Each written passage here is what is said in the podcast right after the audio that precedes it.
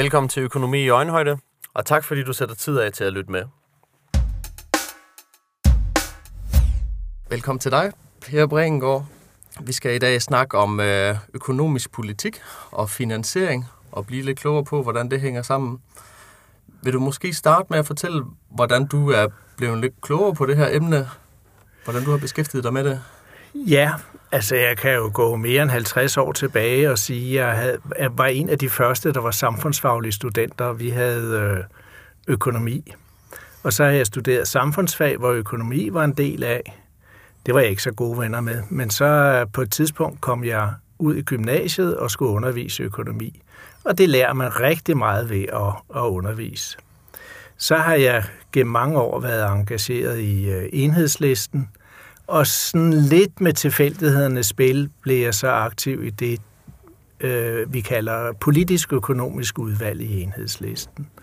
Og der kan man jo sige, at vi har et formål at prøve at udvikle økonomisk politik, og også ligesom at være formidler i forhold til baglandet og i forhold til offentligheden. Ikke? Udmærket.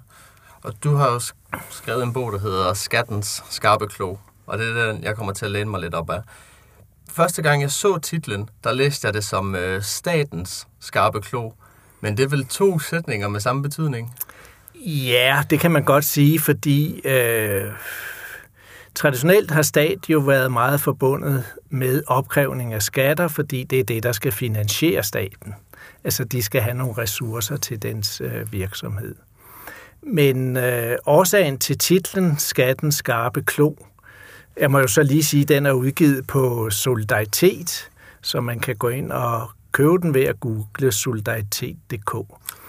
Øh, årsagen til titlen var så, nok så meget, at ligesom i internationale, altså vores fælles sang på venstrefløjen, der, øh, hvad det hedder, der synger man an, hvordan øh, skatten skarpe klo flænser øh, den stakkels befolkning. Og det har jeg ligesom vendt lidt om at sige, at skattens karpe klo kan faktisk bruges politisk til at ændre ting, og ikke kun til at flænse stakkels arbejdere. Udmærket. Men er det så sådan, det hele startede med, at man opkrævede skat? Altså det var for at ændre ting? Jamen skat øh, blev jo meget opret, eller opkrævet for at kunne øh, føre krig om territorier og opretholde et, et øh, statsapparat, som, som sikrede orden i øh, samfundet. Det kan man sige, det, det var meget øh, skatternes grundlag, det var at opretholde magten. Og det har fungeret, kan man sige, lige siden klassesamfundets opståen for, øh, det er jo svært at sætte tal på, men lad os sige 5-6.000 år siden, så var det de første sådan rigtige statsdannelser i, i øh, Mellemøsten. Okay. Okay, så det er simpelthen et øh, værktøj. Men lad os da hoppe over til, hvad økonomisk politik, hvordan det fungerer som værktøj. Ja, men der kan man jo sige, at det er noget af det samme, fordi det er statsmagten, og det kan vi jo så definere her i den her sammenhæng som Folketinget, regeringen og Bankens forsøg på at styre økonomien med de midler, de har til rådighed, og formålet er at, at, at sikre den økonomiske stabilitet. Det vil jo også sige en form for ordens opretholdelse. Det kræver i dag andet end militær og politi, men det kræver også en eller anden form for økonomisk stabilitet. Og det har man traditionelt i, i øh, nationaløkonomi nationaløkonomi øh, været meget øh, fokuseret på. Og, og så spørger man, jamen hvad er det der med økonomisk øh, stabilitet? Og det kan man sige, væsentligt det er at regulere konjunkturerne, det vil sige de økonomiske op- og nedture, øh, voksende arbejdsløshed, faldende arbejdsløshed og i sjældne tilfælde det, vi kalder fuld beskæftigelse. Og så handler det om de økonomiske balancer. Okay. Hvis jeg lige må starte med konjunkturerne, for som jeg har forstået det, så, så plejer det jo egentlig det meste af tiden at gå meget godt. Konjunkturen går opad, øh, der er vækst, der er god beskæftigelse, folk er i arbejde, og så sker der en krise af en eller anden art. Altså vi så det med finanskrisen, nu ser vi det med en krig.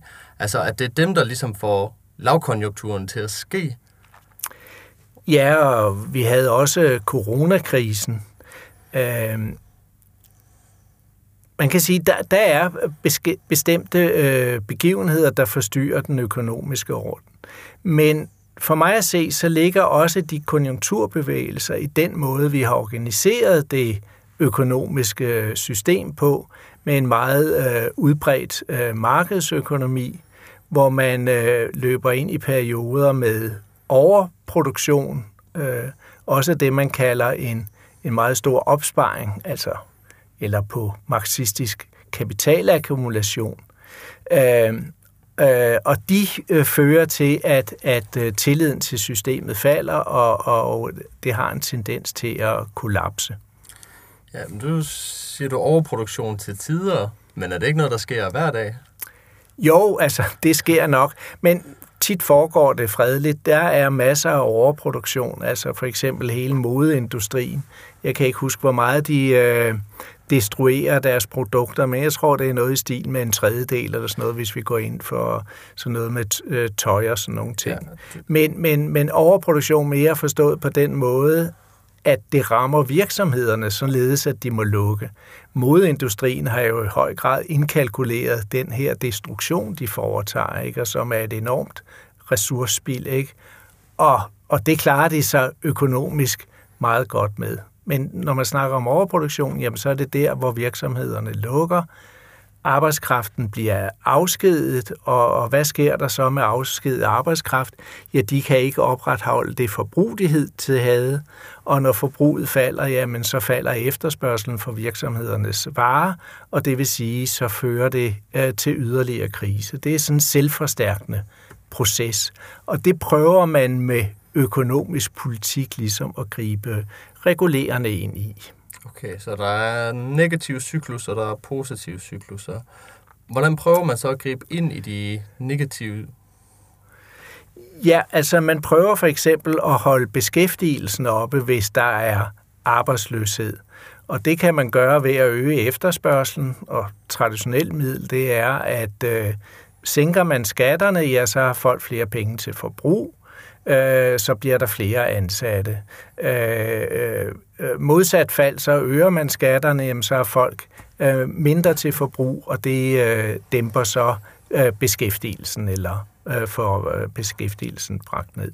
Så, så, så det der med beskæftigelsen, det har der været meget fokus på.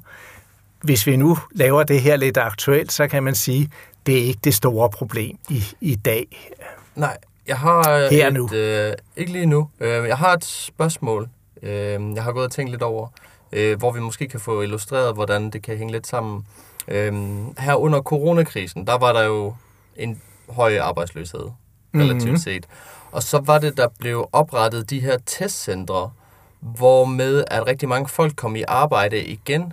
Men hvad kan det her eksempel med testcentre og ansætte folk øh, og finansiering til det, hvad, hvordan kan det illustrere, hvordan det hænger sammen, den her økonomiske politik?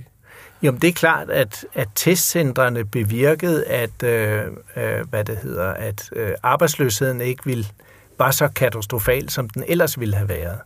Der var jo en anden foranstaltning, det var, at man fik lønkompensation, hvis man ikke afskedede ens øh, øh medarbejdere.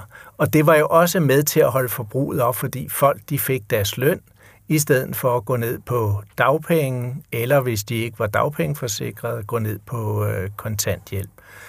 Og det var også et forsøg på at bevare arbejdskraftens intakt, så når coronaen dampede af, jamen så var de tilbage med de samme. Ikke? Ja. Så, så, så det var jo en måde at, at, at holde økonomien så stabil som muligt i coronasituationen. Det må man sige har gjort at det har virket. Men er der så forskel på det her med at... Mm, øh, altså, nu har testcentre jo helt sikkert haft en funktion og et formål, øh, men man kan godt se det der med, at man laver sådan en lille, øh, nærmest et jobcenter, at der, okay, her kan folk komme og arbejde. Og så det her med at give folk øh, løntilskud, eller kompensation, hedder lønkompensation. Hvad er forskellen på de to? Altså om man opretter sådan job for folk, eller om de får en lønkompensation? Ja, man kan sige, at i forhold til forbruget, så er det jo nogenlunde det samme. Ikke? Men, men det er da klart, at det er der foretræk, hvis folk de kan øh, have en aktivitet, som på en eller anden måde er samfundsgavnligt. Og det var jo det der med testcentrene, ikke? at det var en måde at skære ved, at folk kunne gå i isolation, fordi de vidste, nu er jeg syg og så videre, og skære en top, toppen af, af belastningen af sygehusvæsenet. Det var vel formålet med det. Øh, formålet med, øh, hvad det hedder, lønkompensation, det var jo bare, at folk kunne opretholde deres øh, for, forbrug, og så gå en tur i stedet for at gå på arbejde. Eller tage sig af deres børn. Det var der jo også masser af behov for, fordi skoler og så videre øh, lukkede. Ikke? Ja, okay. Så det var om beskæftigelse. Hvad er der, eller der er et formål i hvert fald med at holde folk i beskæftigelse og holde økonomien ja. på den måde. Øh, så, så traditionelt så siger man også, at vi skal prøve at holde en tilpas lav rente. Øh, det er heller ikke et problem i, øh, i dag. Altså renten er ekstremt lav. Man kan sige, at i nogle sammenhæng er den for lav. Øh, det andet øh, sag er jo, at, at øh, med kapitalens frie bevægelighed øh, inden for EU og i hele verden, jamen så har rentesatserne en tendens til at, at nærme sig hinanden. Så det der med, at den danske stat fører en selvstændig rentepolitik, er, er ikke, det er ikke et problem i dag, og det er, er heller ikke så let at gøre med den økonomiske integration, der er. Men når man så siger, at øh, det er staten, der fører rentepolitikken, så er det vel via Nationalbanken, ja. den der fastsætter, hvad skal renten være? Ja, øh, det gør de jo ikke rigtigt. De fastsætter, øh, hvad det hedder, den rente, øh, øh, de giver, når bankerne, altså Nationalbanken er jo foruden statens bank, også bankernes bank. Ja. Og bankerne, de kan sætte penge ind i Nationalbanken, og de fastsætter den rente, som bankerne får, når de sætter penge ind i Nationalbanken. Det er en måde, okay. Øh, den fører øh, rentepolitik på. Og det er klart, at det smitter af på bankernes rente. Men hvad plejer man så at sige er konsekvensen af, at hvis der så er en højere rente i Nationalbanken, så har de private banker vel større incitament til at sætte penge i den bank? Øh, det er det, og derfor så... Og det er måske ikke så heldigt, at bankerne de foretrækker Nationalbanken, i stedet for at pengene går ud og arbejder, som man ja, siger. Ikke? Og, og dermed jo kan skabe øh, lån til investeringer og sætte gang i økonomien. Så derfor indretter øh, Nationalbanken sin rente efter konjunkturerne. Men, men det centrale i vores samfund er også med kapitalens fri bevægelighed, at synes man, at, at øh, det med at låne penge i banken, eller i Nationalbanken, eller sætte penge ind i Nationalbanken, ikke rigtig stemmer overens med renteniveauet, jamen så kan man øh, skaffe sig penge udenomkring. Og det er derfor, at Nationalbanken i dag er mere magtesløst end tidligere. Hvorfor er Nationalbanken overhovedet interesseret i at have penge fra private banker? Jamen, det kan jo... Altså, dels er det en, en øh, foranstaltning, man har, og man kan sige, at i dag der er de ikke særlig interesserede i at have dem, i, i det, de, øh, der er negativ rente, og det vil sige altså, at bankerne skal betale for at sætte pengene ind i Nationalbanken. Ja. Så det er jo en måde, kan man ligesom at sige, de skal altså ikke stå her. Men, men det er sådan en slags øh, service, man har, at, at pengene kan, kan stå der, hvis bankerne ikke kan finde noget fornuftigt at bruge dem på. Okay. Det skulle man ellers tro, der var rig mulighed for. Ja, øh, dog er ikke alle de øh, Øh, Øh, hvad det hedder, foranstaltninger, de øh, forsøger at lave bankerne, altså fornuftig brug af bankerne, fordi øh, man kan godt tale om, at, at bankerne i virkeligheden laver penge selv. Forstået på den måde, at, at øh, hvis jeg kommer og, øh, og, og gerne vil låne nogle penge i en bank, det kan være til at købe et hus på, eller et, et hus for, eller det kan også være, at jeg har en eller anden øh, lille virksomhed, som jeg har brug for nogle penge at låne til, jamen så skriver de jo så øh, det lån op i banken, og hvad sker der så med de der penge? Ja, øh, når jeg køber huset, ham jeg køber det af, han sætter penge ind i banken, eller en anden bank. Ikke? Øh, øh, og det samme, det der med, at hvis jeg har en virksomhed, investerer noget, jamen hvis jeg har brug for nogle maskiner eller så videre, dem jeg køber maskinerne for. Så, så, så bankerne, de øh, fabrikerer selv deres øh, penge. Og det har Nationalbanken så ikke så meget styr på. Nej. Hvad, hvad er risikoen ved det så? Jamen, det kan være, at øh, i, en, i en situation, hvor der er rigeligt med penge, øh, og det vil jeg så hævde, det er der i, øh, i, i, hos de mere velhavende i vores samfund. Øh, der kan det jo betyde, at man går ud og, og låner penge og køber hus, og huspriserne de stiger osv., og, så og så får man en, en øh, inflation på, på øh, boligpriserne. Det samme med aktier, ikke? Altså folk, de kan ikke forbruge de penge, og det her snakker vi også om de mere velhavende, jamen så går det ud og køber aktier for dem. Og hvis de ikke selv gør det, så er det måske i en bank, hvor de er i en investeringsforening eller med i en pensionskasse eller så videre, og så sørger de for det her øh, show.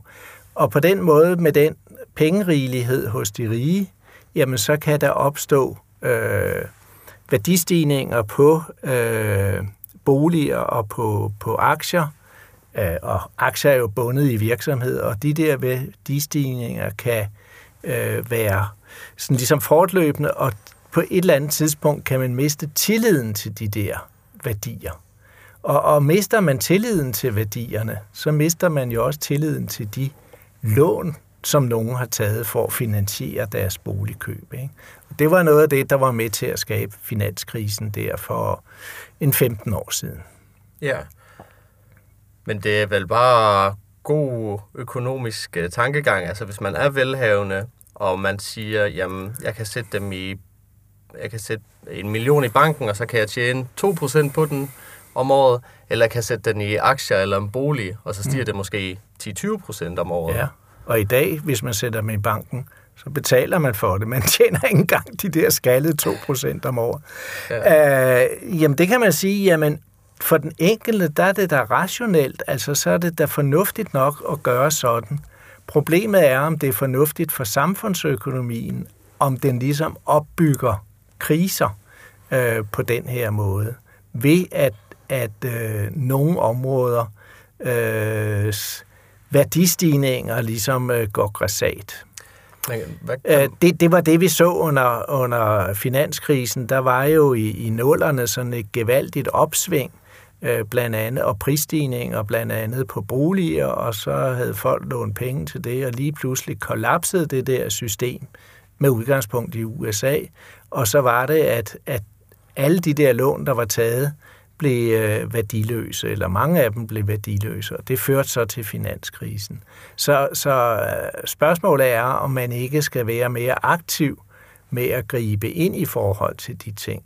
Og der kan man benytte skatten skarpe klo, som vi snakkede om, ikke? altså gennem beskatning øh, holde øh, priserne på boliger nede, ikke? fordi der er grænser for, hvor meget folk kan betale for en bolig, ikke? Øh, når de får skatten oveni. Ikke? Og, og på samme måde med aktier og på samme måde med formuer kan man også lave en øget beskatning af det. Okay, jeg vil lige have et sidste spørgsmål i forhold til det der med bankerne. Altså, fordi hvilken rolle kan Nationalbanken spille over for de her tendenser, man har set? Jamen altså, sådan som, som finansmarkederne øh, er indrettet i dag, øh, så spiller Nationalbanken ikke en særlig stor rolle. Øh, de kan fastsætte den der indlåns- og udlånsrente til, til bankerne, men i virkeligheden er det styret af nogle andre forhold, nemlig forholdene på, på de internationale markeder. Så, så rentepolitikken, ja, den er der, men, men øh, den, den rolle, som den havde, er der ikke længere. Og hvad, hvilken rolle var det, den havde? Jo, men tidligere kunne man jo sige, var der sådan, så der var lavkonjunktur, problemer med beskæftigelsen, så kunne Nationalbanken sænke renten, øh, og dermed kunne bankerne låne billige penge der, og lå dermed øh, formidle de billige øh, penge til, til virksomheder osv., som kunne sætte noget produktion i gang, Eller hvis folk de kunne tage nogle billige lån, ja, så var der måske muligheden for at få bygget øh, carporten eller købe en ny vaskemaskine. Men det gør den ikke længere, simpelthen? Jamen, det, det, det er jo svært, når, når renten er styret ikke af Nationalbanken, ja. men forholdene på det internationale kapitalmarked. Ikke? Okay. Kunne man forestille sig en dag, hvor... Nu er vi jo i en tid, hvor man øh, diskuterer forsvarsforbehold. Kan der komme et lignende øh, afstemning om, hvorvidt vi skal være tilpasset øh, den europæiske centralbank, eller hvad Nationalbanken nu læner sig op af? Ja, øh, ja og nej.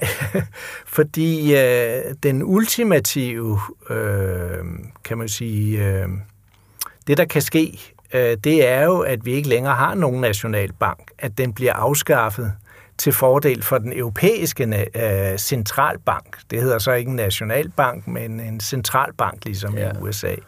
Og, og, og bundet op på valutaen euroen. Øh, Nationalbanken den øh, forsøger at styre pengemængden, når det danske om, handler om danske kroner. Så vi kan afskaffe kronen og afskaffe Nationalbanken, og så lægge det over i øh, den europæiske centralbank, som så dermed bliver styrende øh, eller har indflydelse på, på rentefastsættelsen. Øh, så er vi jo ligesom gået en halv vej på den måde, at, at man, øh, det var jo allerede i Paul Slytters dage i begyndelsen af 80'erne, at man bandt kronen til at sige, at der er et bestemt vekselskursforhold i forhold til euroen, at en, en, øh, en euro skal koste cirka 7,5 kroner. Og, og hvis det går lidt op og ned, jamen så griber den europæiske øh, centralbank eller den danske nationalbank ind i det der forhold. Ikke?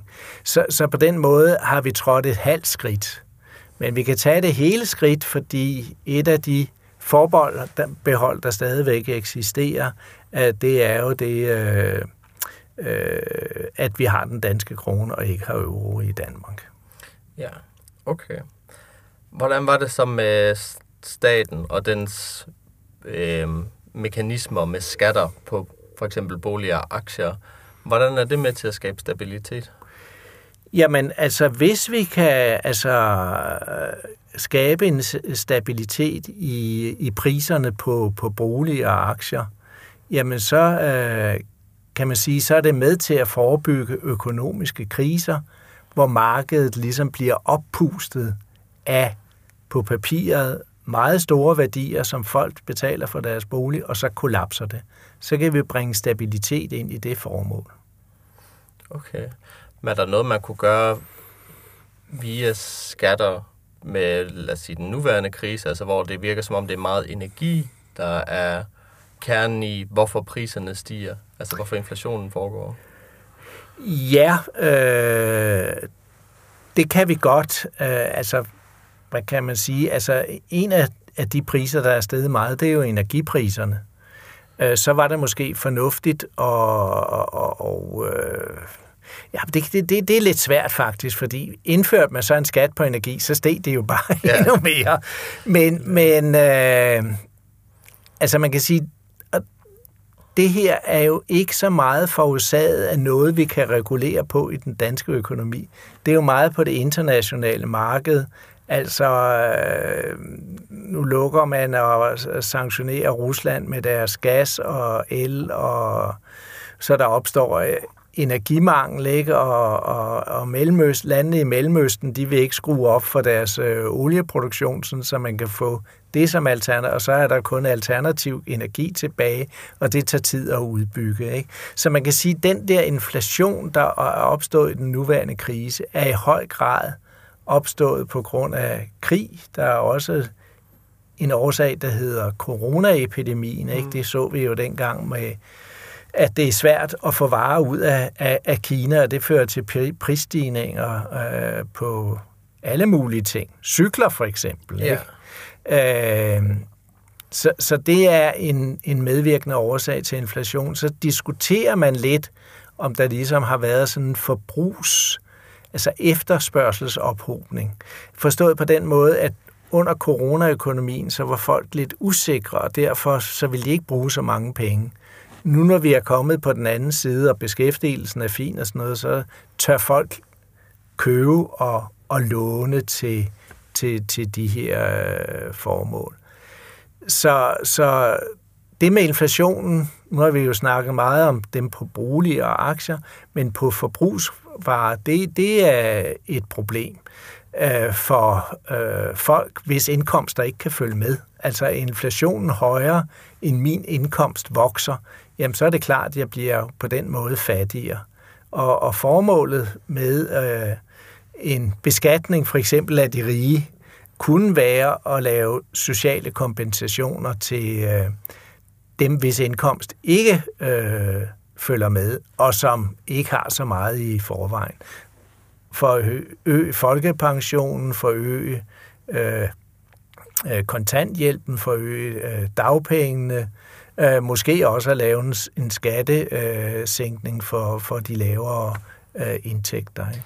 Men det er jo... Så på den måde kunne skatten komme ind, altså man kunne lave en selektiv skattesænkning, som kommer bestemte grupper til gode, mens man øger beskatningen for de mere formugende. Det kan være topskatten, men det kan også være omkring boligskat og så videre. Ja, men der har vi jo sådan noget, hvor man sådan hænker og sæver, øh, hænker og, og sænker skatter. Når jeg tænker på sådan der med, hvordan man kunne hjælpe folk i bunden, altså fordi øh, en ting er det her med at hæve og sænke skatter, at det kan udligne nogle ting, men hvad med sådan rent praktisk at give folk ting? Altså det der, hvis det er mad, folk mangler, kunne staten så ikke øh, tilbyde råvarer, madvarer, i stedet for at det skal være via økonomiske mekanismer, som for eksempel skatter, at man hjælper befolkningen. Kunne det ikke være sådan lidt mere ja, håndgribeligt? Jamen, det, det kunne man selvfølgelig godt forestille sig, at man kunne få øh, til en billig pris hente en bestemt øh, madportion, ikke? Altså så og så meget havregryn, sukker og så videre, ikke?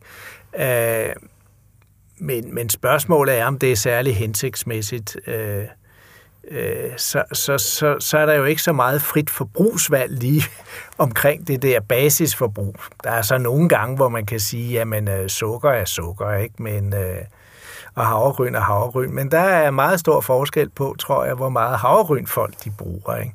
Så, så jeg synes, at det i stedet for at lave sådan nogle madpakker til folk, jamen så synes jeg hellere, at man skal give dem penge. Ja. Yeah. Øh, og en af måder at give penge på, det er jo for eksempel, at de ikke skal betale så meget skat. Okay.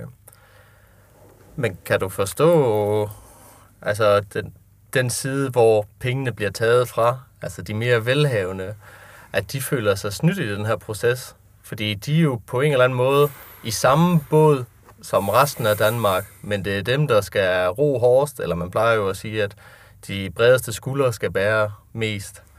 Ja, men det er jeg meget tilhænger af, og jeg går ud fra, at det, det du mener, det er, at de mere velhavende har nogle bredere skuldre at bære. Uh, og jeg synes ikke, de skal føle sig så snydt, fordi det vi jo har oplevet gennem de seneste årtier, det er jo en voksende ulighed. Altså, der er større forskel på top og bund, end der var øh, tidligere. Der er noget, der hedder Gini-koefficienten, og den er voksende. Uh, og, og hvis, øh, hvis der var totalt øh, lighed, øh, så var der en Gini-koefficient, hvis, øh, og den var 0. Og, og hvis der var total, øh, hvad det hedder, ulighed, hvor en tjente alle pengene i hele landet, og de andre ikke noget, ja, så var den 100. Men så man kan sige, at Gini-koefficienten er et mål for, den handler om indkomst, den kan også handle om formue, for hvor ulige samfundet øh, er. Og der må man så sige, at samfundet er blevet mere ulige gennem de sidste årtier, øh, øh, og, det fortsætter, og det har jeg ikke noget mod at blive rullet tilbage, og det må man så fortælle de mere velhavende, at I har altså sådan set rigeligt med penge, og vi kan se, at i snit har I et, et ganske stort forbrug. Øh, og man kan også se, at det er øvrigt det forbrug, det er mere CO2-belastende, altså klimaskadeligt, end dem, der ikke har så meget. Og man kan også sige, jamen hvad bruger jeres penge til? Meget af det bruger I jo til opsparing.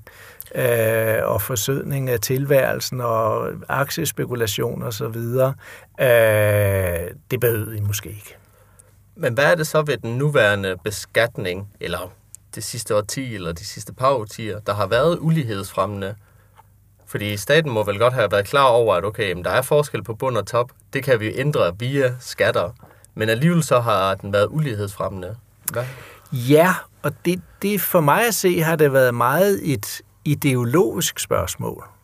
Fordi øh, øh, noget af det, man har snakket meget om, det er Finansministeriets regnemaskine, som jeg kalder Finansministeriets blå regnmaskine, fordi den er til fordel for, for det borgerlige.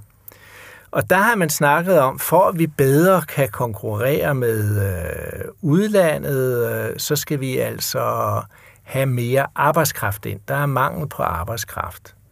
Øh, arbejdskraften er måske også for dyr. Får man mere arbejdskraft ind, jamen så falder prisen på arbejdskraft. Alt andet lige. Der er overenskomster og så videre, men det er med til at lægge et, et tryk på, på, øh, på lønningerne, i hvert fald på almindelige menneskers lønninger. Øh, og hvorfor har, hvordan har, hænger den der ideologi sammen med beskatning? Jo, så øh, siger øh, Finansministeriet, at hvis nu man letter topskatterne, så vil folk arbejde mere, så vil de stille mere arbejdskraft øh, til rådighed. Hvis nu man øh, forringer overførselsindkomsterne, altså kontanthjælp, dagpenge og de perioder, hvor man kan få øh, dagpenge, skærper betingelserne for øh, kontanthjælp, ja, så øger man også mere øh, udbud af arbejdskraft. Og det er meget den ideologi, der har drevet øh, det politiske spil fra, jeg havde nær sagt, øh, fra SF og så øh, højere ud. Øh, hvis man går ind og ser på grundlaget for det, jamen så er det et, et uhyret tyndt grundlag. Altså, der er ikke der er gode argumenter for, at det her faktisk ikke fører til, at folk arbejder mere. Øh, at man letter topskatten. Øh, ikke? Øh, som gymnasielærer, da, da jeg synes, ej, nu havde jeg nok penge og så videre, jamen øh, hvis jeg fik topskattelettelse der, så ville jeg ikke begynde at arbejde mere, fordi nu fik jeg endnu flere penge. Nej, jeg ville da vælge at få mere fritid. Det er der jo nogen, der har mulighed for. Ikke? Så det kan lige så godt have den der hængekøje-effekt, ikke? At, at øh, letter man topskattelettelsen, så er der ingen grund til at pukle. Øh, så vil man da hellere prioritere sin familie og aktiviteter, man har ved, ved siden af. Og, og det der med at forringe det for de, dem, der har det øh, altså på kontanthjælp og dagpenge, jamen det kan jo føre til øh, social derut, altså at de må gå for hus og hjem og det ene og det andet og det tredje. Og hvordan indvirker det på deres evne til at vende tilbage til arbejdsmarkedet, hvis man af sociale årsager får psykiske og eksistentielle problemer? Ja. Jeg kan godt være meget enig i det der med skattelettelserne, at det i hvert fald virker lidt søgt, øh, hvis jeg skal tale fra mig selv af. At ja. det der med, at man arbejder jo, fordi man gerne vil tjene penge, i hvert fald en stor del af mm. det. Så det der, når man endelig sætter sig for at arbejde, så det er sjældent, fordi man siger, okay, men jeg vil arbejde 37 timer om ugen, medmindre jeg får en lille skattelettelse. Altså man arbejder jo det, man kan, eller som man ja. er sat til. Ja, og det, det er jo også, altså systemet er stift, så det der med, at almindelige mennesker, som har arbejde, udbyder mere arbejdskraft. Øh, for mange tilfælde, så, så, så sker det ikke. Ja. Nu er jeg jeg har kigget så meget på Finansministeriets øh, regnemaskine, øh, men jeg har da set nogen kritisere for, at under den nuværende regering, at så er alle øhm, indkomstgrupper, undtagen den anden rigeste, faktisk blevet fattigere. Jeg tror også, at den rigeste er blevet rigere og ikke fattigere. Jamen selv, okay, ja. hvis vi bare tager, at toppen er blevet rigere, ja. altså, hvordan kan det ske under en øh, rød regering, der jo egentlig burde hæve bunden? Jamen, det skete jo, øh, og ikke mindst under øh, Corridons øh, ledelse for den forrige socialdemokratiske regering. Ja, fordi de var troet på ideologien omkring øh, øh, Finansministeriets øh, regnemaskine, og regnede med, at, at det der med, at der blev et øget udbud af arbejdskraft, ville føre til, at der kom mere beskæftigelse, og det var med til at, at rejse os efter øh, finanskrisen. Og de regnede vel også med, men det siger de ikke så højt, at det er med til at, at øh, holde låg på øh, lønstigninger. Ikke? Altså, at der kommer mere arbejdskraft. Det er jo ligesom, arbejdskraft er ligesom kartofler, ikke? Kommer der flere kartofler på markedet, så falder prisen. Sådan er det også med arbejdskraft. Ja, det er vel også lidt ligesom uh, inflation på sin måde. At det der jo mere af noget, gør egentlig, at ja. prisen ændres. Ja. Eller ja. mere eller mindre ja. af noget. Ja. Udmærket. Er det noget, der har sammenhæng med det her med betalingsbalancen? Den vil jeg gerne blive lidt klogere ja, på. Jamen altså, vi, vi indledte jo sådan set med at snakke om, om økonomisk politik, øh, øh, at, at øh, formålet var at sikre stabilitet, og så øh, var det at, at, at skabe balancer i, i økonomien.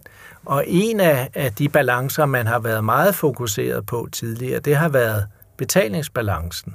Fordi øh, Danmark øh, fra, fra 60'erne frem til slutningen af 90'erne øh, havde øh, underskud på betalingsbalancen, og dermed en voksende udlandsgæld. Altså ikke staten, men Danmark havde en voksende udlandsgæld. Men hvad er det, betalingsbalancen er? Ja, det er godt, du spørger om det. For det betalingsbalancen, øh, det er også det, der hedder de løbende poster. Ja, det er en opgørelse over landets indtægter og udgifter, altså Danmarks øh, indtægter fra udlandet, og vi får jo indtægter ved at, at eksportere varer. Vi får også indtægter, hvis vi nu har placeret investeringer rundt i, øh, og, og, omkring, så kan vi få et afkast af de der øh, investeringer ind i landet. Okay. Og udgifterne, dem har vi i, i kraft af, at vi importerer varer fra udlandet, og også betaler for for eksempel afkast af udlændingen, der har investeret i Danmark. Ja. Så, så betalingsbalancen er øh, det. Og, og der kan man sige, det er ligesom i privatøkonomien, øh, er udgifterne større end øh, indtægterne, ja, så betyder det mere gæld. Ja. Ikke? Og gæld er jo en byrde, fordi øh, den betaler man for. Ja, jeg skal lige hurtigt spørge om det her med betalingsbalancen. Altså det gælder både for private personer og staten. Og staten. Det er sådan hele landet rundt. Det er hele landet, ikke? Og man må endelig huske at skelne mellem betalingsbalancen, som er hele landet, og så balancen på de offentlige budgetter, som er den offentlige sektor, versus omverdenen, og det vil sige både Danmark og resten af verden. Ikke?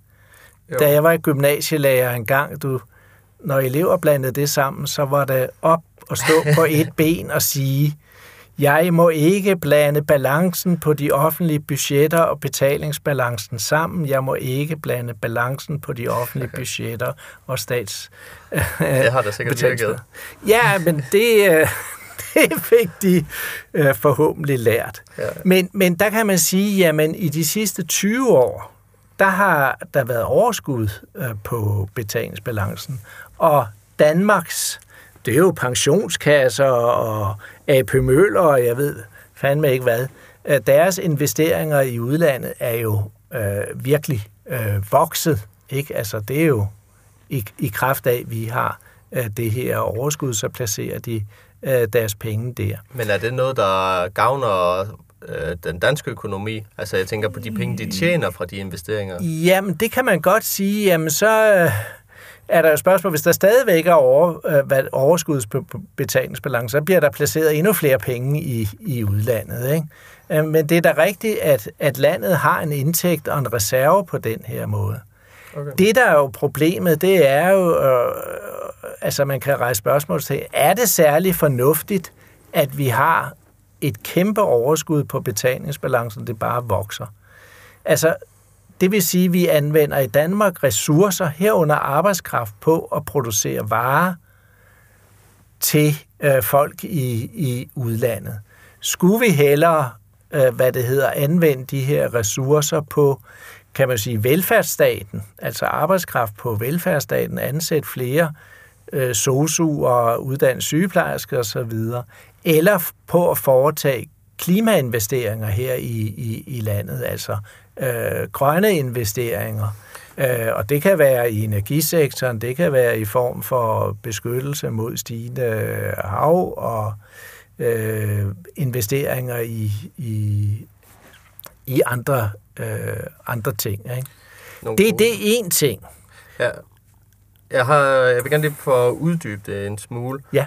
Øhm, som det lige fungerer op i mit hoved lige nu at der, okay, så lægger vi penge i udlandet, eller vi lægger ikke penge i udlandet, vi sælger til udlandet, og ja. på den måde, så får vi penge fra udlandet. Så Danmarks rigdom, den forstørres altså hver gang, vi sælger noget til udlandet. Og det er jo noget positivt i sig. Mm. Og så har vi det over for det her med, at vi investerer i Danmark, altså SOSU, skolelærer, ja. øhm, klima. Men på den måde, så forøges rigdommen ikke, som jeg lige øh, sætter det op. Er det noget, du kan uddybe? Jamen, jo, rigdommen forøges, fordi, øh, øh, hvad det hedder, øh, hvad det hedder, investerer vi i energisektoren, forøges rigdom. Investerer vi i uddannelsessektoren, forøges, forøges rigdom. Og jeg vil også sige, investerer vi i sundhedssektoren, hospitaler og sådan noget, så forøges rigdommen forstået på den måde vores velfærd at man kan jo også godt sige, at, at det kan jo også have den indvirkning, at, der, at, at øh, arbejdskraften ikke bliver så nedslidt. Altså, vi bliver bedre vedligeholdt. Det er vel også en investering at investere i menneskets øh, vedligeholdelse. Ikke? Så, så der kan man sige, at rigdoms eksisterer her i udlandet. Til forskel fra øh, hundredvis af år siden, så var det sådan, når vi havde overskud på betalingsbalancen der, jamen så fik man, udvekslet man jo med guld, så steg guldbeholdningen i Danmark. Men, men det gør man jo ikke længere.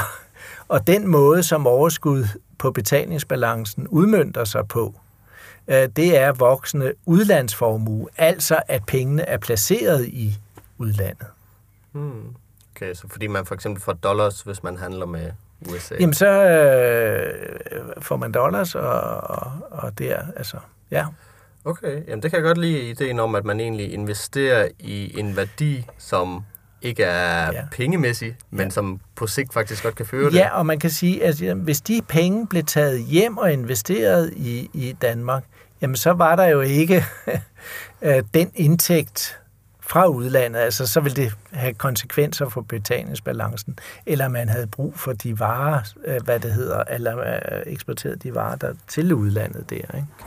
Hvad er dit syn på, altså hvis vi tager velfærd som noget, der ikke øhm, nødvendigvis er sammenhængende med kapital, kapitalrigdom, altså mm. det er jo nogle goder, vi gør for hinanden. Altså en lærer står i et klasseværelse, uafhængig af at have penge i hånden, eller have nogle produkter. De har jo sig selv, og en tavle, og nogle gode elever. Så på den måde, så er pengene, altså der er jo... Den eneste sammenhæng med penge, det er jo løn på en måde. Mm. Og at man skal drive skolen. Der skal være, man skal købe nogle bøger. Men hvad er dit syn på det her med, at man egentlig har nogle øh, bløde jobs, der ikke kræver en produktion som sådan, men bare kræver mennesker for at blive gennemført? Jamen, øh, jeg kan sige, den er, den er positiv. Forstået på den måde, at øh, hvis man ser på de økologiske kredsløb, jamen så er en, det en lærer øh, skaber, eller det, der bliver skabt på et hospital, jo ikke særlig belastende for CO2-udledning og øh, øh, ressourceforbrug osv. Der er det jo meget mere øh, belastende for det at producere flere landbrugsvarer, hvis vi ellers kunne æde dem, men så er der jo andre ude omkring, der gør det, eller industrivarer. Altså det materielle forbrug er jo meget mere øh, belastende øh, økologisk set. Og derfor synes jeg, at man skal omprioritere, øh, hvad det hedder, øh, forbruget fra materiel forbrug øh, til et, et øh, ikke-materielt forbrug. Altså det der med at omsorg, at vi tager os af hinanden og bruger flere kræfter og, og mere tid på det, i stedet for at bruge tid på at producere materielt øh, forbrug. Og jeg tror i virkeligheden også, at mange mennesker er interesseret i det. Hvis man, hvis man spørger en sygeplejerske, øh, hvad vil du helst have? 3, 300 kroner mere i, i løn om, om måneden, eller vil du hellere have, at du får nogle flere øh, kollegaer, at dine børn øh, har bedre normeringer i børnehaven og sådan noget, så tror jeg, at, at man synes, at det egentlig er i orden. Altså, man vælger jo ikke helt de der ting andet via, at man stemmer politisk på nogle partier, som går ind for det ene eller det andet. Ikke? Ja. Der kommer vi lidt tilbage til øh, skatten skarpe klo, fordi den, der skal jo ske en finansiering for, at øh, sygeplejerskerne kan få flere kollegaer. Og hvad kan man sige? Vi kan jo ikke sælge vores sygepleje til udlandet. Det skal man jo trods alt være i Danmark for. Og sådan mm. er det jo med mange af de, uh, lad os kalde dem, bløde fag. Mm. Så den finansiering, der skal ske af de her bløde sektorer, det må jo komme fra en sektor, der er lidt mere hård i det, og som producerer varer, der kan sælges til udlandet, og på den måde får vi penge. Mm, ikke nødvendigvis, men, men man, man kan sige, altså forløber har vi ingen problemer med at sælge til udlandet, så vi kan jo godt skrue ned for det plus og stadigvæk øh, beholde eller stadigvæk, øh, ikke stadigvæk, men opnå en eller anden bedre balance på betalingsbalancen.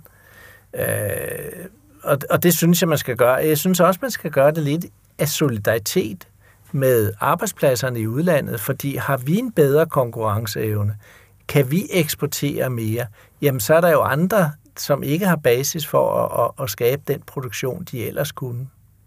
Ikke? Altså, det går jo ud over folk i udlandet, at vi er enormt konkurrencedygtige i Danmark. Ikke? Så, så det er jo også et perspektiv af mere solidarisk. Og jeg tror, den udvikling, der jo har været i EU, hvor man kan sige, jamen generelt set, Sydeuropa er gået i krise, og øh, øh økonomisk krise, det har det været meget mere præget af end Nordeuropa. Ikke? Øh, og det hænger sammen med konkurrencedygtigheden af forskellige, de forskellige steder. Og den hvad kan man sige, øh, integration, der er sket økonomisk i Europa, hvor man har fjernet handelsbarriere, jamen der bliver vi bare stærkere og stærkere i Nordeuropa i forhold til Sydeuropa. Og det er et problem. Okay. Okay. Men er det også et problem for danskerne? Jamen, det kan jo godt være, fordi man kan sige uro og ballade og øh, så videre i resten af verden, det øh, kommer der til at påvirke øh, danskerne. Altså, og ustabilitet. Altså, vi havde virksomheder, der krakkede og så videre. Og det sker et sted i verden, det smitter af i Danmark. Ikke? Altså, det var det, vi så i finanskrisen, for eksempel. Ikke? Ja, og måske den lidt mildere ende af skalaen af, hvad der kan gå galt. Men også hvis inflationen den stiger i andre lande, så bliver det vel også dyrere, hvis man skal ned og holde ferie eller arbejde der eller noget. Ja, øh, det gør det. Altså det der med inflationen, hvis inflationen i Danmark og andre lande er nogenlunde den samme, så er det ikke det store problem forstået på den måde, at, øh, at, at øh, når vores priser stiger, og de andre priser stiger, så er vi lige konkurrencedygtige, kan man sige. Ja. Hvis den danske inflation stikker af, sådan så den er meget højere i, i Danmark end i andre lande, så kan vi få problemer med konkurrenceevnen, det der hedder lønkonkurrenceevnen. Øh, problemet ved inflation, det er fordelingspolitisk, ikke? at dem, hvis indkomster ikke kan følge med øh, inflationen i forbrugspriserne, jamen de bliver fattigere, og dem, som godt kan følge med, eller har andre indtægter, øh, dem er der ikke et problem for.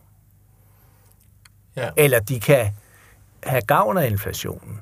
Øh, man kan også, altså ligesom dem, der har købt ejendom og aktier osv., hvis inflationen er der, og deres værdi er stabile, ikke, så følger deres priser jo med op med inflationen, ikke, eller deres værdi op med inflationen. Ikke. Så der er nogen, der på en eller anden måde er noget sikret mod inflation. Ikke? Ja. Vil det være et problem for Danmark, hvis lige pludselig lad os bare sige, europæiske lande, at, at deres lønniveau øh, og velstand, den vil nærme sig Danmarks, fordi Danmark har vel en stor fordel øh, i, at vi får meget udlandsk arbejdskraft, fordi folk er meget interesserede i de gode lønninger, eller relativt gode lønninger, vi giver her i Danmark. Så hvis de lige pludselig ikke var så interesserede i det, så ville vi vel mangle en masse af arbejdskraft. Jo, men det, det vil vi, og, og, og, og, men, men spørgsmålet er, at det er et problem. altså, for man kan sige, meget af den der arbejdskraft, direkte og indirekte, bliver brugt til at lave eksportvarer. og der kan man sige, at, at med det overskud, vi har, så har vi måske ikke brug for så meget øh, arbejdskraft udefra. Øh, og man kan også sige, at i det omfang, øh, velfærden og, og væksten var der i, øh, altså nærmede sig så det danske, jamen så var der måske også et større marked for, for, for danske varer. Øh, det, der kan man sige, det, det grundlæggende problem ved vækst, uanset hvor det finder sted i verden, det er jo øh, klimaproblemet og ressourceforbruget. Ikke? Øh, svaret på det er ikke at stoppe al vækst, men svaret det er at, at omfordele, sådan, så dem, der har meget, skal have lidt mindre, og dem, der ikke har, de skal have mere. Jeg synes ellers, at jeg har hørt nogen sige, at øh, mere vækst, det er svaret på øh, klimaproblemerne. Øh, jamen, det er der nogen, der hævder forstået på den måde, at at, øh, at de tror, så kommer der finansiering til, øh, øh, til at omlægge det øh, til grøn energi og, og, og så videre. Men, men alt har jo sin pris. Altså, det, det er fint, at man omlægger fra kulkraftværker og brunkulkraftværker og kraftværker drevet på gas til, til øh, vindenergi og øh, solenergi. Men, men øh, vindmøller og, og, og solceller, de kræver jo også øh, råstoffer, og, og de skal udvindes. Der er også et CO2-regnskab, og ikke mindst et, et øh, ressourceregnskab i, i forbindelse med det. Og et af problemerne, det er det med de sjældne jordarter, ikke? altså det med, at der skal bruges nogle specielle metaller der. Så, så, så, så det der med at omlægge energiforbruget, fint, men, men vi skal bare ikke læne os tilbage og sige, jamen så kan vi bruge maksimalt energi. Nej, det koster også ressourcer at gøre. Så jeg synes godt, vi kan ændre, altså øh, ikke så meget øh, afskaffe væksten, men, men øh, lave en anden type vækst, hvor vi har ikke så meget fokus på det materielle forbrug for, for dem, der har øh, tilstrækkeligt, men mere øh, har en interesse for at udvide det ikke-materielle forbrug. Altså det der, jeg snakker med omsorgen for hinanden, undervisning, øh, bedre behandlinger på, i sundhedssektoren, ikke? kultur, kulturel udfoldelse. Øh, det behøver man heller ikke nødvendigvis at have så meget materielt grej for at kunne klare. Ikke, ikke nødvendigvis. Ikke nødvendigvis. Men det kunne vel godt lyde som om, at man så skulle øh, skifte øh, ideen om BNP ud. Altså, fordi det vil meget materielle emner, den regner op. Og på den måde siger, at det her det er Danmarks bruttonationalprodukt. Det her, det er, hvad vi har i kroner og øre. Men det tæller vel ikke sådan noget ligesom med pleje eller folkeskole? Jo, det gør det jo faktisk ikke, fordi øh, den værdi, jeg som gymnasielærer skabte, Øh, den var så bare lige min løn. Og det indgår i bruttonationalproduktet. Så alt, kan man jo sige, aktivitet, der bliver øh, aflønnet, aflånet, indgår i bruttonationalproduktet. Ikke? Men jeg vil hellere sige det på den måde, at, at øh, det der med bruttonationalproduktet skulle man måske ikke være så fixeret på, som øh, et eller andet form for grønt nationalregnskab, og så sige, jamen, hvordan er det med ressourceforbruget i forskellige sammenhænge, og hvordan kan man ændre det? Og det, det der er jo sådan nye økonomiske modeller, som, som øh, øh, prøver at, at skabe forandringer øh, på den måde. Der, der er sådan noget, der hedder donut-modellen, ja. hvor man kan sige, at det er sammenlignet med sådan en donut, hvor, hvor den ydre rand, det er ligesom, eller det er, øh, hvad det hedder, øh, de naturmæssige grænser, ikke? altså de klimatiske, ressourcemæssige grænser, som vores økonomi skal indrette sig på. Ikke? Og, med økonomi er det jo både øh, vores forbrug og investeringer osv. Og, og så taler den om donordens indre rand, mm. øh, så den ydre rand ligesom er grøn, og den indre rand vil jeg så kalde rød, øh, fordi det drejer sig om og, og den sociale sikring, ikke? At, at vi, vi har et samfund, hvor, hvor hvad det hedder, der er i højere grad af social lighed, og øh, at folk de har, hvad de øh, er brug for. Så, så den der donorsøkonomi, hvis man tager den indre rand der, den kræver nok noget omfordeling øh, for, at vi skal kunne holde den ydre rand ikke? mellem rige og fattige. Og man kan også sige, at betingelsen for, at mennesker, der ikke har så meget, skal være fokuseret på øh, økologi og, og klima, at det er jo, at, at det ikke er dem, der betaler. Altså hvis de ikke har ret meget. Øh, det var jo det, vi så i Frankrig i, i for nogle år tilbage med de gule veste, ikke, som protesterede mod øh, forhøjelse af benzinpriserne. Øh, og det var dem ude i yderområden, der i høj grad kom til at betale for det, fordi de var så afhængige af deres øh, transport. Øh, det som, hvad det hedder, forhøjelsen af benzinpriserne øh, via øh, beskatning gik til, det var så i øvrigt at lette øh, formue og topskatter for de rigeste. Ikke? Øh, så det er klart, at vi skal vi have en grøn omstilling og holde os inden for de grænser, som naturen skal have, jamen så skal vi også sørge for, at det er de rige øh, og dem, der har noget, der betaler for det, og ikke øh, dem, der ikke har så meget. Men er det noget, donut-modellen vil kunne hjælpe med? Jamen, hvis man prøver at, at lave de økonomiske målsætninger og, og, og supplere dem og inddrage donorsmodellen, så kan man jo for eksempel sige, jamen okay, nu snakkede vi jo tidligere om, om balancer og, og økonomisk stabilitet, men vi bør så også tage det grønne hensyn. Og der kan man sige, jamen et skridt på vejen, det har jo været den der med 70 procent, altså øh, målsætning, ikke? At, at vores, øh, vores øh, CO2-udslip skal, skal, hvad det hedder, formindskes med 70 procent i forhold til, jeg tror det er 93 eller sådan et eller andet, eller 90'erne der, ikke? Ja, altså det er 2030, man gerne vil opnå. Ja, man vil opnå det, ja. ikke? Altså så hvis man indarbejder det, og så siger, jamen hvad er det, vi så kan gøre? Der er jo snakket om en CO2-afgift, ikke? Øh, som et forsøg på at sige, jamen øh, lad forureneren, eller klimaudslipperen, betale, ikke? Altså så, så sparer vi på, på, på CO2, så laver man afgift der. Men, men så må man også på den anden side sige, jamen, hvilke fordelingspolitiske virkninger har det?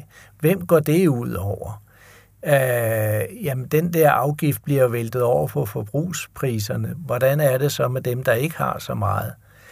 Ja, men der bør man give nogle kompensationer. Det kan være skattelettelser, det kan være det, der hedder grønt tjek, og så videre. Det bliver indregnet i skatten, så det er sådan set stort set det samme. Ikke? Sådan, så de kan opretholde deres forbrug. Eller rettere sagt, hvis der er noget, der bliver dyrere, så vil de måske omlægge deres forbrug øh, til andre varer i, i stedet for. Det kan man jo sige for eksempel, det er jo sådan en anden boldgade med cigaretter, ikke? Jamen, det er fornuftigt at forøge, forøge cigaretpriserne til 100 kroner for at hold, for, øh, for folk til at holde op med at ryge. Altså, jeg havde nok råd til at ryge, selvom jeg skulle betale 100 kroner mere. Men det er der andre, som der ikke har. Det vil sige, det går igen ud over de fattige. Ja. Hvis de nu bliver kompenseret for, øh, hvad det hedder, den der forhøjelse, så kan de vælge at ryge lige så meget som før. Men mange vil måske tænke, ej, jeg vil sgu hellere bruge mine penge til noget andet så. Ja, ja måske. Det, ja, det altså det er jo i hvert fald den mulighed, der er. Ja, lige i den forbindelse, fordi der har jeg bare undret mig over øh, rigeligt. Det der med, altså okay, man siger, vil vi gerne stoppe den her adfærd her, eller i hvert fald mindske mm-hmm. i det her tilfælde rygning, så vi sætter priserne op, og sidste gang, så var det måske sådan noget 10 kroner, de satte den op. Hvorfor sætter de den ikke op med 300 kroner? Med 3.000 kroner? Altså, det skulle da helt sikkert nok hjælpe med at få ja. nogle folk til at stoppe med at ryge. Ja. Det, det gør det måske også 100 kroner. Øh, men så kunne man lige så godt kriminalisere Jamen, for den sags skyld. Ja. Men det virker bare som sådan et øh, halvt skridt, Ja. at man sådan siger, okay, vi kan godt gøre det lidt dyrere, men ja. så galt er det heller. Ja, ja, men hvis man satte den op til 3.000, så var der i hvert fald nogen, der ikke fik råd til det. Der, der var også nogen, som nok havde råd til det. ja. Jeg har hørt lidt, at så bliver det noget med det sorte marked og det ene og det andet. det, det, det er klart, det vil også florere. Men det virker bare sådan, altså hvis vi tager det med afgifter, okay, så i forhold til CO2-kvoter, om sådan, okay, men det kan godt være, at det har en lille betydning, men i det store hele, så vil virksomheder stadig producere mere eller mindre, som de gør. Ja, men altså, hvis de sparer afgiften ved for eksempel at lægge produktionen om, altså det har jo også noget med produktionsmetoderne at gøre. Men øh, altså ikke lidt det samme sorte marked, der kan komme op, og så producerer man lidt i udlandet, eller finder en eller anden måde at overspringe det på. Jamen, det er klart, at man forsøger at smutte udenom, så, så, og, så man, man må gøre alt for at, at, at sikre sig, at, at øh, CO2-afgifterne bliver betalt, når man udleder CO2, og man ikke smutter udenom. Ikke? Øh, jeg er sådan set også tilhænger af, at man på europæisk plan laver en, i hvert fald en minimums CO2-afgift, ikke? Altså sådan, så produktionen ikke smutter til andre europæiske lande. Og at EU laver en CO2-tol i forhold til, til omverdenen. Ikke? Så, så er der ikke nogen udvej andet, hvis det er sort og illegalt. Ikke? Øh, Okay. Ser du, at EU kunne være, kunne være, altså at det er godt, vi er med i EU, af netop så, sådanne årsager. Nu tænker jeg lidt på det her med, at de lige har vedtaget en minimumsskat for øh, virksomheder, hvad de skal betale, så der ikke er til at finde skattely i Europa ja, på samme måde. ja, og det, den, den er hullet. Okay, Men, men altså, jeg er sådan set, øh, der er mange problemer ved EU, og grundlæggende er jeg imod det fundament, EU hviler på, nemlig øh, øh, de fire øh, frie markeder, øh, så, så, og det er jo traktatfæstet og sådan noget. Men på nogle områder synes jeg, at det er, vil være fint med altså forpligtende aftaler, som en minimum øh, skat på, på øh, CO2, hvor enkelte lande godt må gå højere op. Øh, og øh, lige sådan en minimumsbeskatning beskatning af, af virksomheder og, og værdipapirer, sådan, så man øh, får minimeret skattely. udmærket. Men vi kan starte i Danmark, hvis ikke andet. Ja, øh, og, der, og, og der er CO2-afgift øh, et middel. Øh, Det, der vil presse, altså det, dels kan det jo være med til at ændre forbruget, hvis der er nogle produkter eller varer, der er meget CO2-belastende, så skifter man måske i sit forbrug til andre ting. Altså, vi ved, at kød skaber mere CO2 end grøntsager og frugt. Jamen, så i stedet for at få røde bøffer øh, øh, lørdag aften, så vil jeg måske hellere have nogle lækre grønne asparges, og de er blevet relativt billigere i forhold til øh, det røde øh, oksekød. Ikke? Så det kan være med til at ændre øh, forbruget. Det andet er, at dem, der producerer, har jo et motiv for, for at slippe for CO2-afgiften ved at lægge deres øh, teknologi og, og produktionsmetoder om, så de ikke bruger så meget, eller, eller udleder så meget CO2, så giver det jo en ekstra gevinst, og, og, og der er noget af, man kan investere sig ud af. Ja. Hvor stor en rolle synes du, staten burde spille i det her med altså, um, at påvirke vores adfærd? Øh, fordi jeg, jeg synes jo også, det kunne være en rigtig god idé, at man sænkede nogle afgifter på nogle af de øh, madvarer, der var sunde. Mm. Øh, altså jeg synes for eksempel, det er spøjst, at der er høj afgift på nødder, når det er noget af ja, det sundeste, vi kan finde nede i et supermarked Mm. alligevel. Mens netop så, okay, så kan man finde en rød bøf til 10 kroner. Altså, det, øh, burde staten spille en, en større rolle i det her? Jamen, jeg synes, staten, og her snakker vi jo konkret om, om skatten skarpe klog, den skal spille en større rolle i, øh, hvordan vi tilrettelægger vores forbrug. Altså det ene, det er, at man kan sige, at man kan rationere varer, du må få så og så meget, eller man kan forbyde bestemte varer. Vi forbyder rødt og oksekød osv. Og det andet er jo at, at bruge øh, skattens skarpe klog til at omlægge forbruget øh, fra noget, som er CO2-belastende, til noget, der er mindre CO2-belastende. Øh, ikke? Øh, så, så, så det synes jeg, man skal gøre, og så synes jeg, man selvfølgelig skal diskutere demokratisk, hvad er det, vi gerne vil, og hvordan er det, vi gerne vil have vores samfund og forbrug er og så videre. Og så skal man også passe på, når man bruger skattens øh, skarpe klo på et eller andet område, og, og, og, og hvilke konsekvenser det har. Altså så siger man, hvilke fordelingspolitiske konsekvenser, hvilke konsekvenser har det for rige og fattige, at vi lige gør det på den her måde. Og der skal man jo så også bruge øh, provenyet for skattens skarpe klo, indtægten for, øh, fra skatterne til at sige, jamen vi skal måske lave grønne checks til de og de og de øh, grupper, sådan så, så øh, de også er med på ideen, og således, at, at det ikke specielt går ud over dem. Altså, der er jo masser, der sagtens kan betale 500 kroner mere for at flyve til, til Thailand. Øh, der er nogen, som ikke kan gøre det.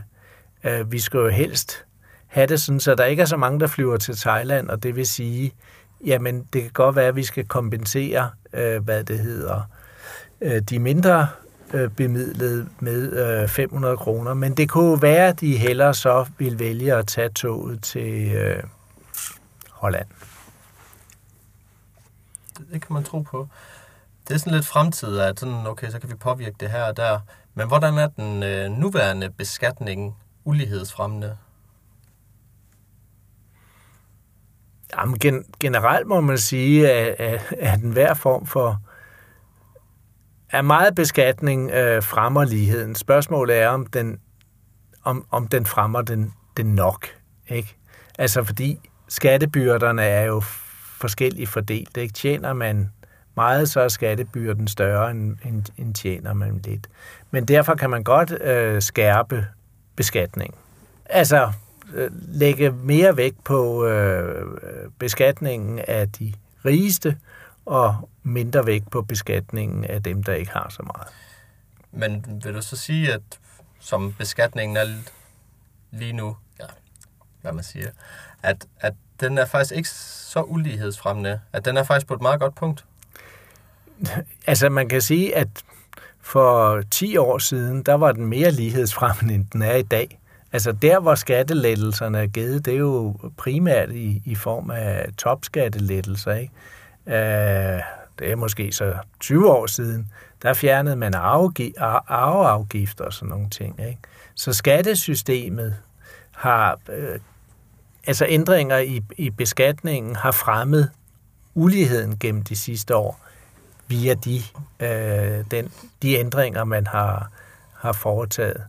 Øh, og, og, og det er en forkert vej, og, og, og noget af det skyldes det, vi var inde på tidligere, nemlig ideologien om Finansministeriets øh, blå regnmaskine, ikke? hvordan man kan yde, øh, udvide øh, øh, arbejdskraftressourcerne ved at, at, at lave skattelettelser for de rigeste, og så lade være med at bruge så mange penge på de fattigste. Ja. Hvad synes du om det forslag, som jo så er fra Blå Blok, men om at man ikke skulle beskatte de første 7.000 kroner, man har tjent? Ja, men, men, men det har jeg ikke principielt noget imod. Spørgsmålet er, hvordan skal det finansieres? Altså skal man tage penge op af, af, af kassen, og så lade det være ufinansieret, eller øh, skal det finansieres ved nedskæringer i den offentlige sektor, eller hvordan? Øh, og det stiller jo så sådan hele det der spørgsmål om, om, øh, om indtægter og udgifter for de offentlige, øh, i den offentlige sektor, om, om det skal balancere. Ja. Så, så spørgsmålet er, hvordan finansierer man skattelettelserne nede i bunden? Jeg har ikke noget imod, at man fjerner skatten for de første 7.000, hvis det nu bliver øh, finansieret af en forøgelse af topskatten. Ja, det vil sige. Det kunne være Det, det måde. vil sige, at, at, at øh, den skattelettelse, der er i bunden, for dem, der har topskatten, den bliver jo, hvad, hvad kan man jo sige, øh, øh, den forsvinder for de rigere. Ikke? Altså, de kommer til at betale mere takket være skattelettelsen i bunden, som de finansierer. Ja. Eller, øh, hvad det hedder, øh, de første 7.000 bliver skattefri. Vil du sige, at skattelettelser de er vækstfremmende? Øh, altså det kommer jo sådan lidt an på, øh, ja, øh, hvilke typer der af skattelettelser der er. Altså, man kan sige, generelle skattelettelser sådan i den brede befolkning, det er nok vækstfremmende forstået på den måde, de har råd til et større forbrug. Ikke?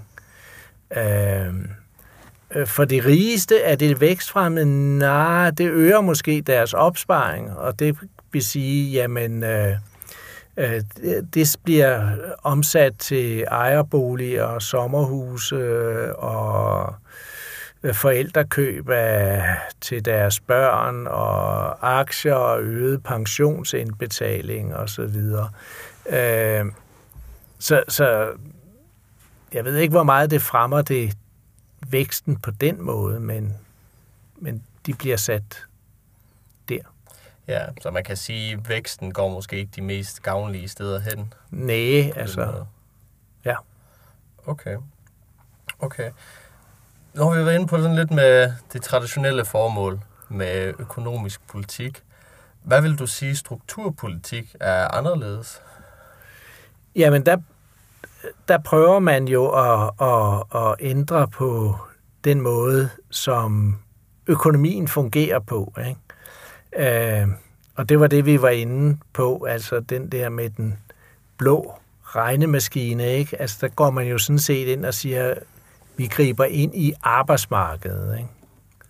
Eller man kan lave strukturpolitik, for eksempel var det jo meget populært, der er det stadigvæk, det der med at, at sige noget med fra forskning til faktura, ikke? Altså investeringerne i forskning, det skal give økonomiske afkast. Det er det, vi prioriterer. Det var Helge Sander, som var gammel øh, forskningsminister, der meget plæderede for det.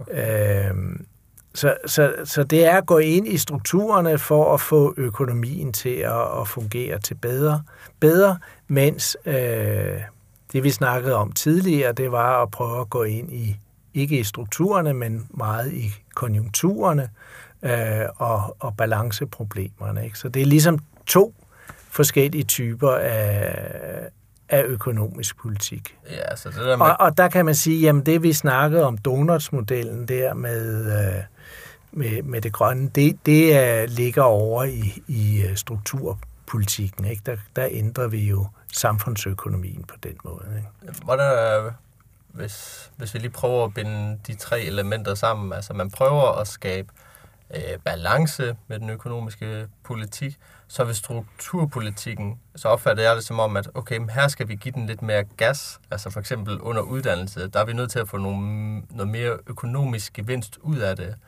Så det er sådan to forskellige mekanismer i forhold til, hvad gør vi med økonomien? Balancerer vi den, eller giver vi den mere gas? Eller hvordan? Jamen traditionelt har strukturpolitikken jo gået meget ud på at fremme væksten, altså at skabe bedre vilkår i det kapitalistiske økonomiske system, og det vil sige, det er jo vækstfremmende. Ja. Øh, og så kan man sige, med donutsbetragtningen, så kan man gå ind i en strukturpolitik, som ikke har fokus på den øh, økonomiske vækst, men har fokus på de, øh, de økologiske øh, og, og klimatiske balancer. Ikke? Men det er så det, om, om donut-modellen så egentlig øh, blander de to sammen. Altså, okay, vi skal have balancen ved at give gas på de rigtige punkter. Jamen, det, det kan man godt sige, altså give den gas på, på øh, øh, hvad, hvad, hvad, den grønne omstilling, ikke? Øh, og, og, og, og den grønne omstilling kan, kan man godt sige, jamen den er vækstfremmende, ikke? Altså fordi øh, der er brug for større investeringer der, der er, har det jo vist sig med vindmølleeventyret, ikke? Altså der er jo også store eksportpotentialer i, i, i, øh, i de der ting. Og, og der kan man sige, jamen det er fint nok, hvis man bare også lige har den betragtning med, at, at, at vi skal generelt prøve at holde den materielle vækst i, i ave. Ikke? Så det er ikke bare, at bare vi får omlagt energiforsyningen fra olie, kul og, og gas øh, til, til sol og vind, så er alle problemer løst. Nej, også sol og, og vind øh, øh, er ressourceforbrugende, og øh, ved produktionen af, af de der ting, jamen der er det også øh, CO2-udledende. Okay. Okay. Jeg har lånt et øh, spørgsmål fra din øh, bog af øh, Skatten Skarpe Klog, som jeg da øvrigt synes, man skal læse, hvis øh, man gerne vil blive lidt klogere på det her med finansiering og skatter. Øh, men det er egentlig et spørgsmål, du stiller til økonomen Jesper Jespersen, øh, der lyder, i hvilket omfang kan økonomisk politik gøre en kapitalistisk økonomi krisefri? Hvad vil du selv sige til det spørgsmål? Jamen, det, det, det mener jeg sådan set ikke, fordi jeg mener, i den måde kapitalismen fungerer på, øh, der er indbygget kriser. Øh, så, så man kan og skal selvfølgelig gøre, øh, forsøge at gøre, altså øh, forebygge kriser, øh, man skal forsøge at afhjælpe kriser, men spørgsmålet er, om man kan forhindre dem. Men det er jo sådan en større diskussion om, hvordan øh, økonomien øh, fungerer, fordi dels er der den der med, at i den kapitalistiske økonomi, den, den øh, er indbygget vækst.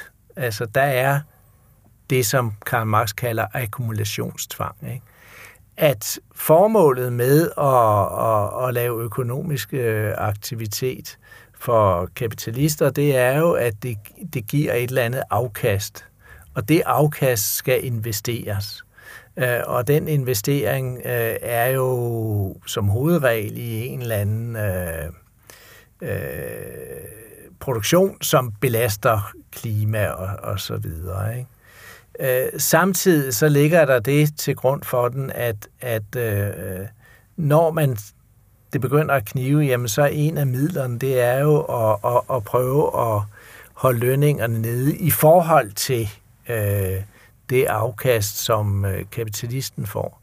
Og de der spændinger, de fører til, til kriser, tror jeg. Ikke? Altså, vi har i hvert fald ikke oplevet andet i de øh, par hundrede år, kapitalismen har eksisteret, at, at vi er gået fra krise til krise. Ikke? Øh, så jeg tror ikke, man kan lave kapitalismen krisfri. Altså det, det kræver, at man laver en eller anden socialistisk system, hvor man i stedet for at det er markederne og, og øh, akkumulationstvangen, der hindrer produktionen af, af, af mere værdi til kapitalen, at man så øh, laver en eller anden typer af, af fælleseje, og, og i meget højere grad planlægger produktionen efter øh, behov. Ja. Men det er heller ikke så let, men det er nok en anden diskussion. ja, det kan man også lige tage en halvanden time om at snakke om. Ja. Øh, men vil du så sige, at, at hvis man reducerer behovet for vækst, skråstreg for, den, for vores goder omfordele bedre, at, at det automatisk vil indføre, at, at øh, tendensen for kriser vil formindskes?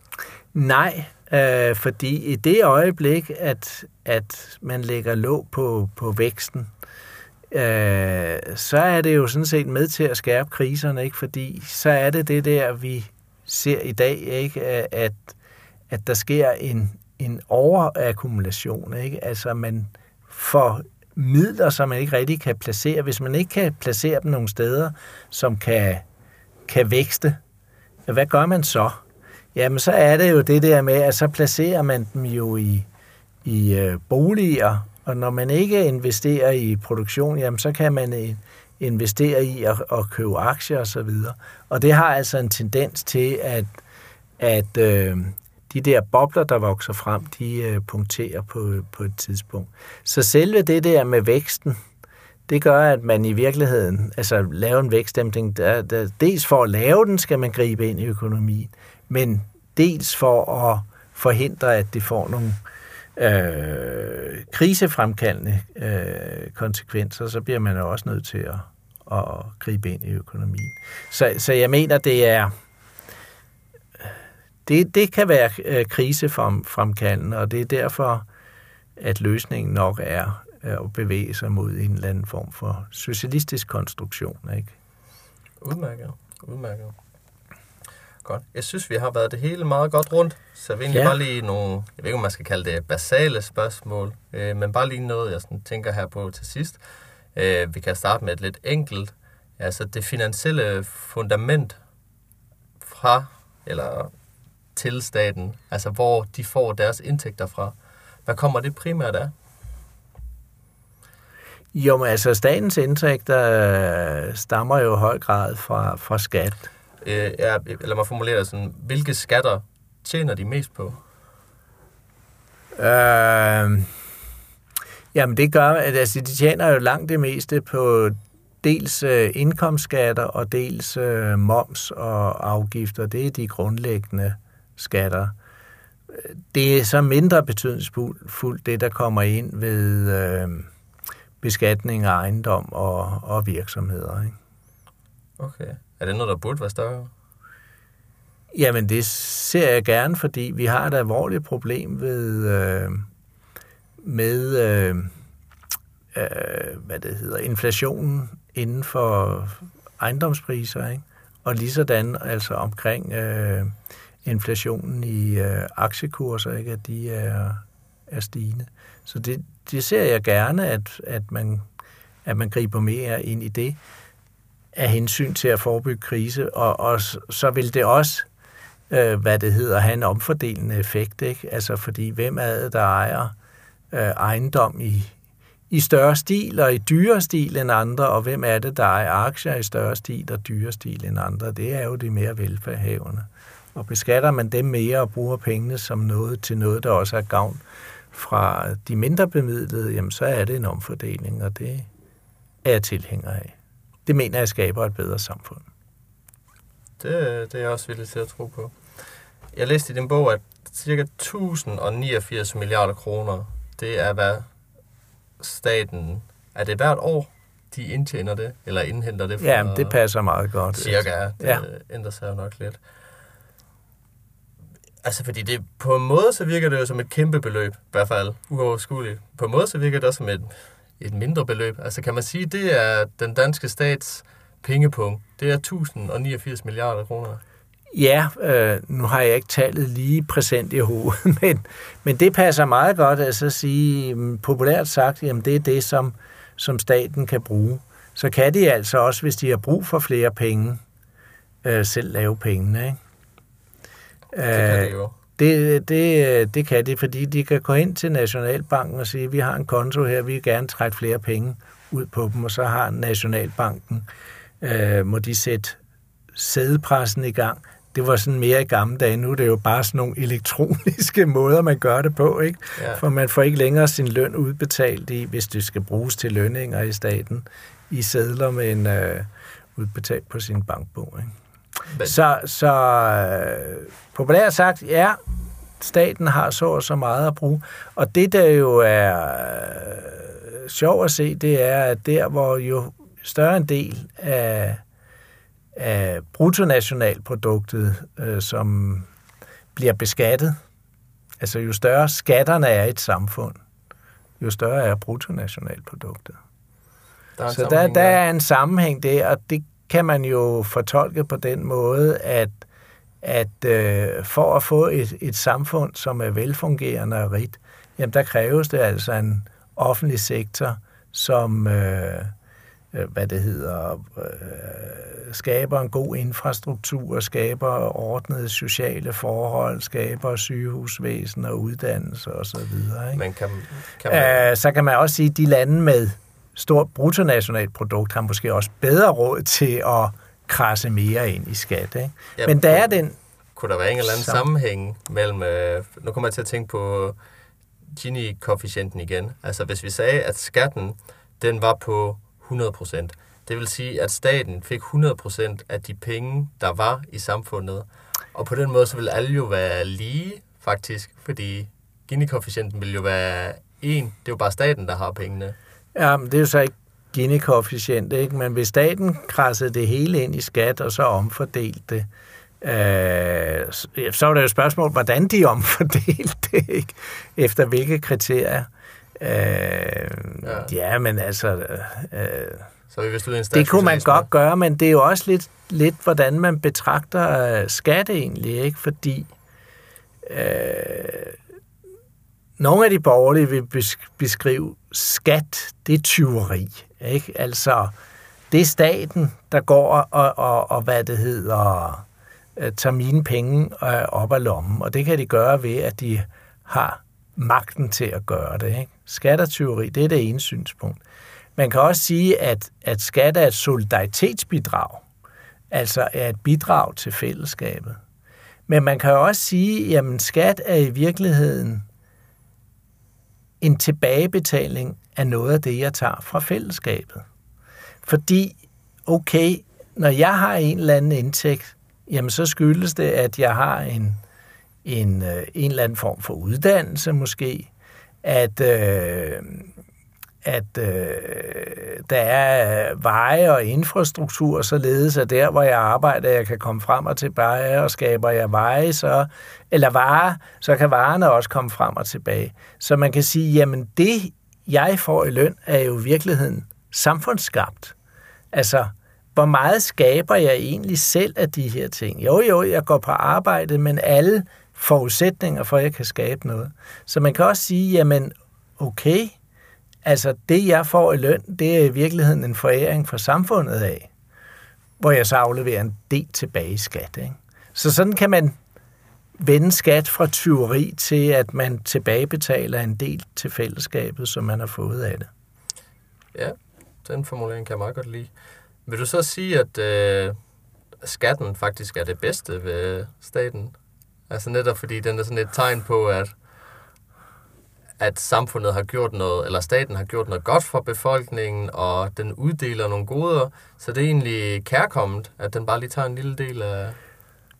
Ja, lille og større del. Jamen, jeg synes altså, skat, beskatning er udmærket, og, og, og, og skat er betingelsen for enhver civilisation, havde jeg nær sagt. Ikke? Øh, den foregår så på mange forskellige og mærkelige måder, ikke? men, men øh, øh, i hver samfund, der er jo behov for, på nær måske de mest øh, jæger, samler samfund og, og så videre, der er der behov for at etablere en eller anden øh, fællesskab. Ikke? Nogle gange er det et fællesskab, hvor den herskende klasse har magten og, og har størst gavn af det. Andre gange kan det jo være et fællesskab, hvor øh, befolkningen har øh, gavn af det, og og der kan man jo sige, det har vi jo forsøgt at bygge op med velfærdsstaten og sådan nogle ting. Ikke? Ja, så, så skat er det er fundamentalt fra, fra staten. Om det er det vigtigste, det ved jeg ikke. Man kan jo også sige, at det vigtigste er ikke det, der bliver opkrævet i skat, men det skatten bliver brugt til. Ikke? Ja. ja. Det kan man vel ikke samle under en paraply? Altså, Nej. Eller, eller vil man kalde det for velfærd? Kan man tillade sig det? Jeg mener ikke, altså det vi bruger på oprustning af militær, det er velfærd. Det er vel en form for sikkerhed? Ja, hvis det skaber sikkerhed, men man kan også sige, at det der rustningskapløb, der er i dag, og, og våbenkapløb i verden, og de bidrag, beskedende bidrag, Danmark øger til, men det skal jo så være større. Det er måske også med til at gøre verden mere usikker men det er rigtigt, at sikkerhed skabes jo først og fremmest ved, at man laver nogle aftaler på international plan, hvor alle på en eller anden måde prøver at begrænse og afruste. Ja, man kunne i hvert fald og lad os sige, at man godt kunne lære lidt af Danmark. Altså, at det, det er fedt, at vi er så fredelige på den måde. Ja. Eller i hvert fald har været det. Hvad synes du ellers, øh, hvad kunne andre lande godt lære af Danmark? af vores øh, skattesystem?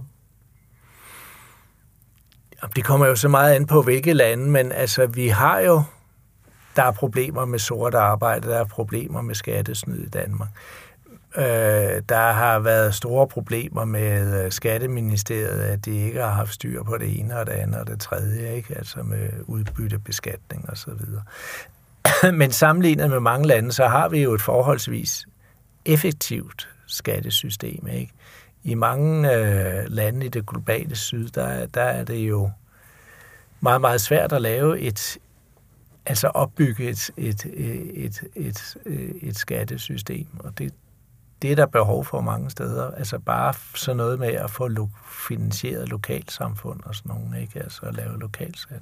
Jeg har været inde i diskussioner i Senegal omkring sådan nogle ting, ikke? At der, der var der helt klart, at på landsbyplan og, og i lokalområderne, der var der behov for nogle fælles faciliteter, som de havde meget svært ved at få øh, organiseret, øh, fordi de ikke havde et, et, et, en, en skattefinansiering af det. Og så bliver det jo meget sådan mere på frivillig basis og aftaler og, og sådan noget. Ikke? Ja, så det er både svært at finde finansiering, organisere den, ja. og så måske egentlig få det udført. Ja, og så er der også udførelse af det, der er et problem. Ikke? Altså, så, så, så den måde tror jeg, at, at det der med beskatning, øh, det er generelt en, en god idé under de nuværende omstændigheder, ikke? Og, og det var der måske også andre, som, hvor man kunne prøve at implementere det noget bedre.